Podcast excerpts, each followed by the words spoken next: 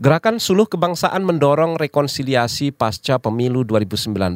Gerakan ini telah menggelar sejumlah pertemuan dengan bekas presiden, tokoh politik, dan tokoh masyarakat. Hari ini pimpinan Gerakan Suluh Kebangsaan Muhammad Mahfud MD mengunjungi Ketua Umum PDI Perjuangan Megawati Soekarno Putri. Mahfud mengatakan rekonsiliasi nasional perlu dilakukan di tengah meningkatnya gejolak politik pasca pemungutan suara. Kan dari Gerakan Suluh Kebangsaan ya, kita sudah berkeliling ke semua presiden, BY sudah Habibie sudah, tokoh-tokoh ulama ke daerah sudah, sekarang ke Bu Mega untuk pada akhirnya nanti dalam rangka pemilu ini masalahnya tidak tidak baru juga, hanya memperkuat bahwa sesudah pemilu ini semua harus bersatu, harus rekonsiliasi. Ketua Gerakan Suluh Kebangsaan Muhammad Mahfud MD menambahkan tokoh masyarakat dan bekas presiden punya pengaruh besar dalam mengarahkan pemikiran masyarakat. Anggota Badan Pembinaan Ideologi Pancasila BPIP ini juga meminta tokoh agama berperan aktif menjaga kondisi damai usai pemilu.